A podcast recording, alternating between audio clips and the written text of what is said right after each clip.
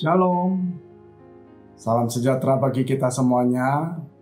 Puji Tuhan, hari ini kita akan FA bersama-sama. Sebelum kita memulainya, saya mengundang Bapak Ibu, kita akan memulainya dalam doa. Mari kita bersatu dalam doa. Segala puji, syukur, hormat, kemuliaan hanya bagimu Tuhan Yesus. Hati kami berlimpah dengan syukur kepadamu ya Tuhan. Terima kasih Tuhan, penyertaan Tuhan atas setiap kami. Biar Engkau Tuhan terus menyertai kami ya Bapak. Pegang tangan kami Tuhan. Kami mau serahkan seluruh hidup kami dalam tanganmu Tuhan. Karena kami percaya rancanganmu, rencanamu selalu yang terbaik bagi kami anak-anakmu ya Tuhan. Terima kasih Tuhan sebentar kami akan memulai FA. Urapi hambamu, urapi kami semua Tuhan. Di dalam nama Tuhan Yesus, haleluya bersama-sama kita katakan amin. Ya. Puji Tuhan, kami bersyukur ya hari ini kita bisa uh, FA bersama-sama ya. Saya sangat senang dengan FA karena saya dan istri adalah buah pelayanan daripada FA. Ya, saya ingat waktu itu kami saat mengalami goncangan ya hamba-hamba Tuhan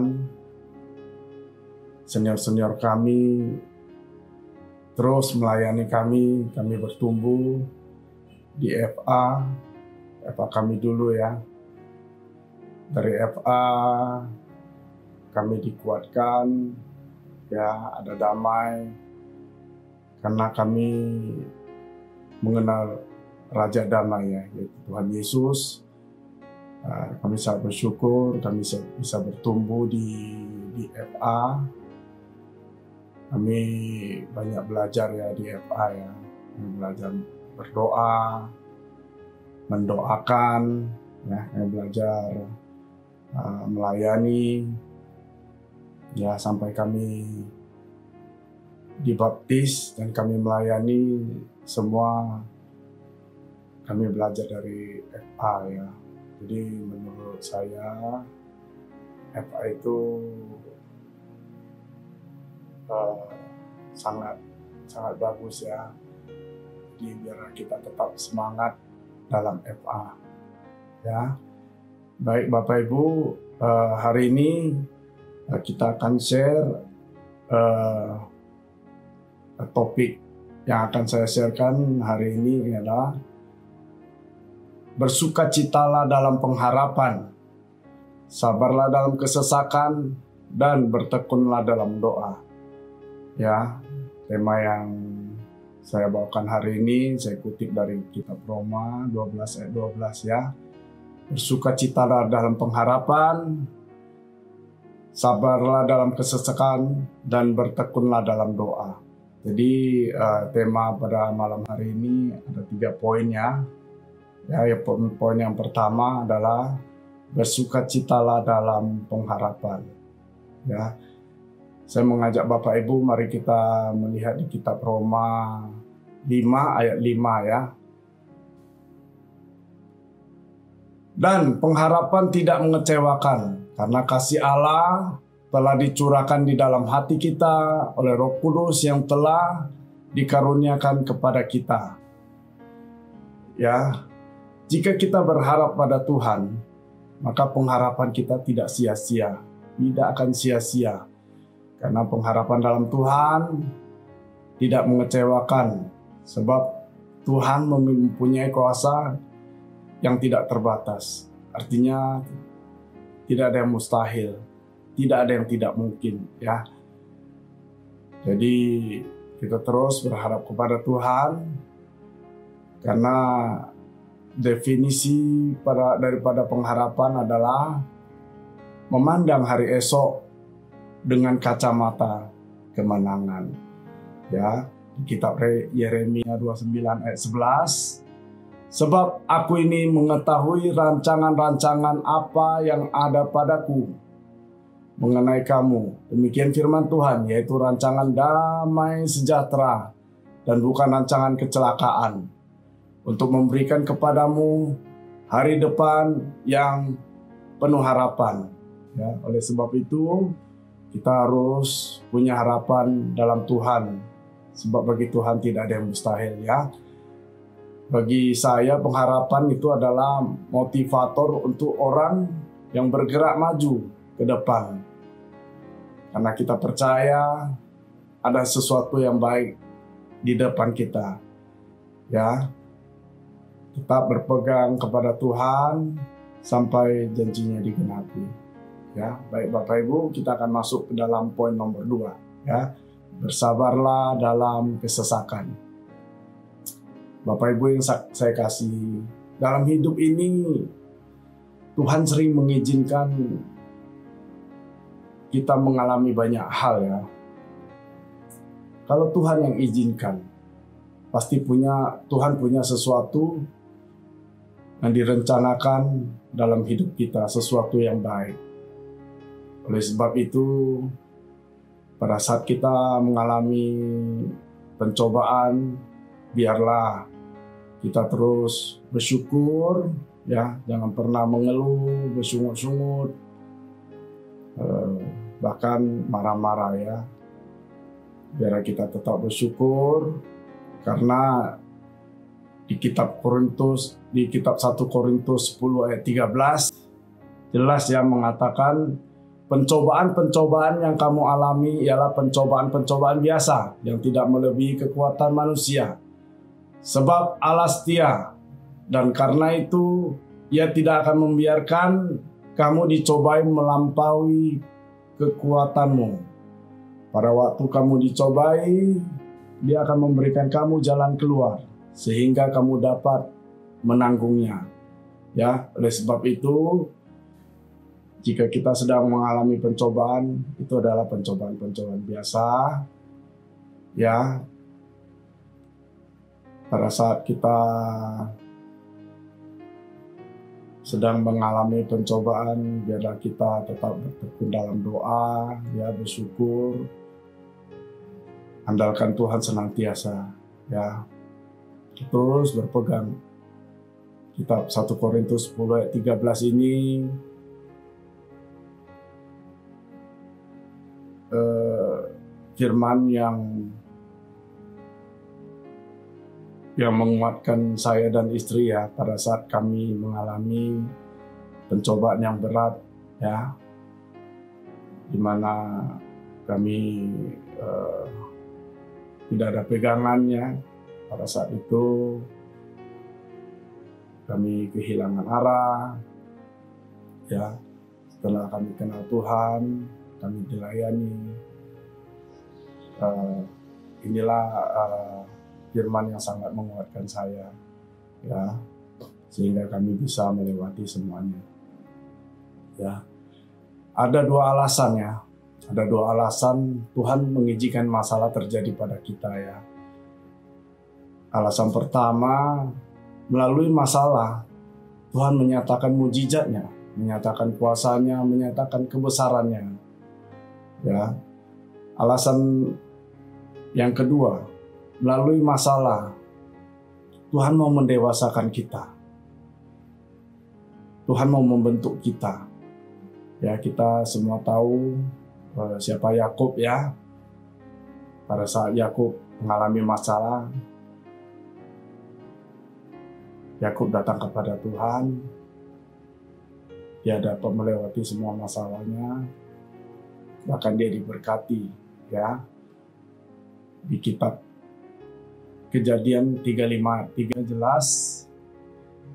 Mari kita bersiap dan pergi ke Betel. Aku akan membuat mesbah di situ bagi Allah yang telah menjawab aku pada masa kesesakanku dan telah menyertai aku di jalan-jalan yang kutempuh. Ya, pada saat Yakub mengalami masalah, dia datang kepada Tuhan. Ya. Tuhan menjawab pada masa kesesakannya ya. Jadi masalah membuat kita semakin dekat kepada Tuhan. Biarlah kita semuanya tetap berpegang kepada Tuhan karena percaya rancangan rencana Tuhan selalu yang terbaik pada pada kita. Ya. Baik, kita akan masuk ke poin nomor tiga. Bertekunlah dalam doa. Ya, di kitab Yakobus 5 ayat 16. Karena itu, hendaklah kamu saling mengaku dosamu dan saling mendoakan supaya kamu sembuh. Doa orang yang benar bila yakin didoakan sangat besar kuasanya. Ya. Eh, apa yang dimaksud dengan orang ben, orang benar dalam dalam dalam ayat ini ya? Orang yang benar. Ya. Orang yang benar adalah orang yang berdoa dengan benar. Dengan hati yang tulus, hati yang benar ya pada saat kita berdoa jangan ada kebencian, dendam. Kita harus uh, lepaskan dulu ya. Kalau lepaskan bukan hanya lepaskan, lupakan ya. Kepahitan-kepahitan ya kita datang kepada Tuhan sehingga doa kita tidak terhalang ya. Kitab Markus 11 ayat 25 dan jika kamu berdiri untuk berdoa, ampunilah dahulu sekiranya ada barang dalam hatimu terhadap seseorang, supaya juga Bapamu di sorga mengampuni kesalahan-kesalahanmu. Ya, masti, maksudnya pastikan ya, pastikan hati kita bersih dan tulus ya. Karena jika hati kita masih ada kepahitan, masih ada dendam, akan menjadi penghalang bagi doa kita ya. Uh, biarlah uh, hati kita penuh dengan sukacita, bersyukur ya, sehingga uh, kreativitas kita juga akan muncul ya, kita akan lebih kreatif, Eh, kita akan lebih lebih maksimal ya di, di pelayanan kah di di pekerjaan di kita tetap harus bersyukur ya bersuka cita. Uh,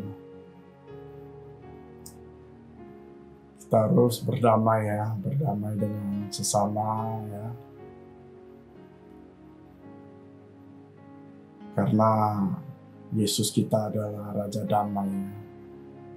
Yesus datang mendamaikan kita. Yesus mendamaikan kita dengan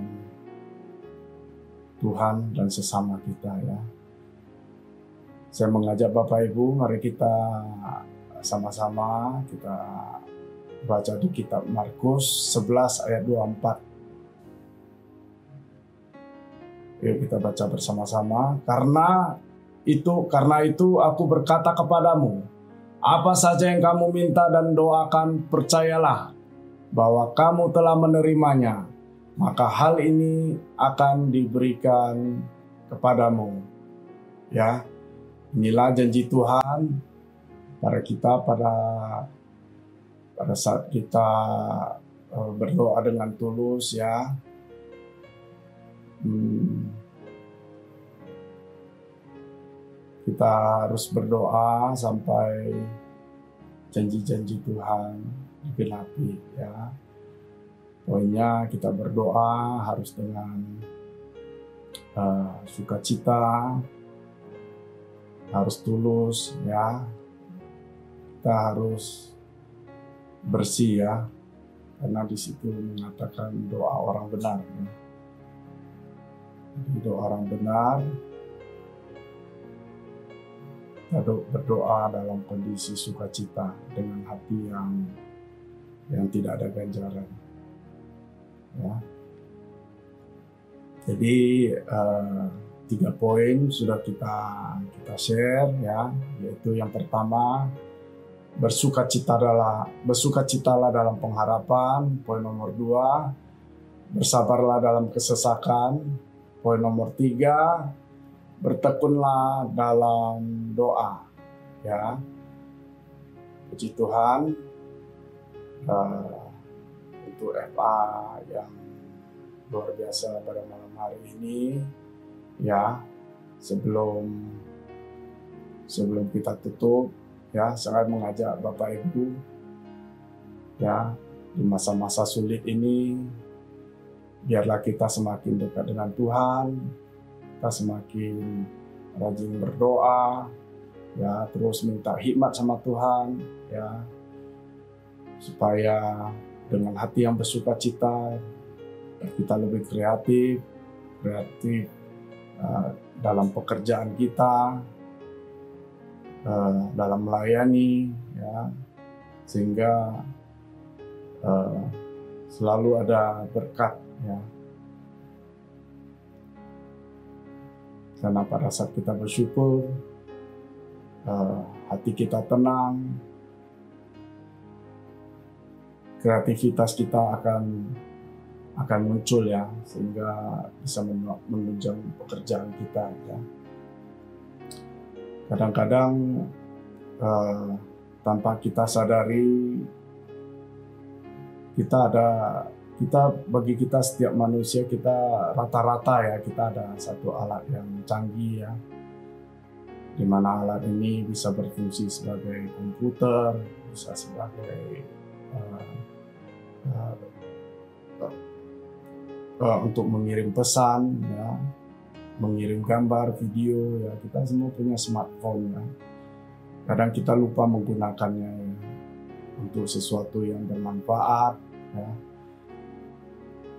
sekarang zaman yang sudah canggih ini biarlah kita memakai smartphone kita lebih bijak ya untuk menunjang pekerjaan kita. Dari smartphone kita bisa promosi kita bisa bisa uh, uh, jualan online ya untuk menunjang pekerjaan kita. Bagi kita yang kerja di rumah sangat mudah ya kita bisa bisa email bisa tetap bekerja ya. Uh, dan smartphone ini kalau kita pakai di dalam pelayanan itu juga sangat luar biasa ya. Kita bisa uh, terus mendoakan yang sakit, menginjili, walaupun uh, sekarang tidak leluasa ya kita untuk uh, berdoa ke rumah sakit ya. Tapi kita tetap bisa mendoakan karena di situ ada video call ya. Kita bisa kirimkan uh, firman Tuhan melalui WA ya. Bahkan kita akan kirim, uh, kirimkan uh, streaming streaming uh, melalui YouTube ya untuk teman-teman kita yang mengalami sakit penyakit ya jadi penginjilan uh, sangat efektif ya tanpa kita harus tetap muka ya. Jadi yang mengalami sakit penyakit juga kita bisa dihibur ya, kita bisa layani.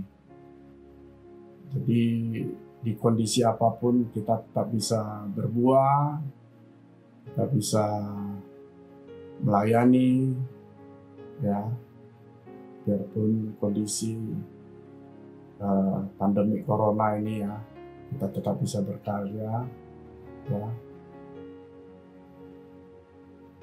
Bapak Ibu yang saya kasihi biarlah kita semuanya tetap semangat ya.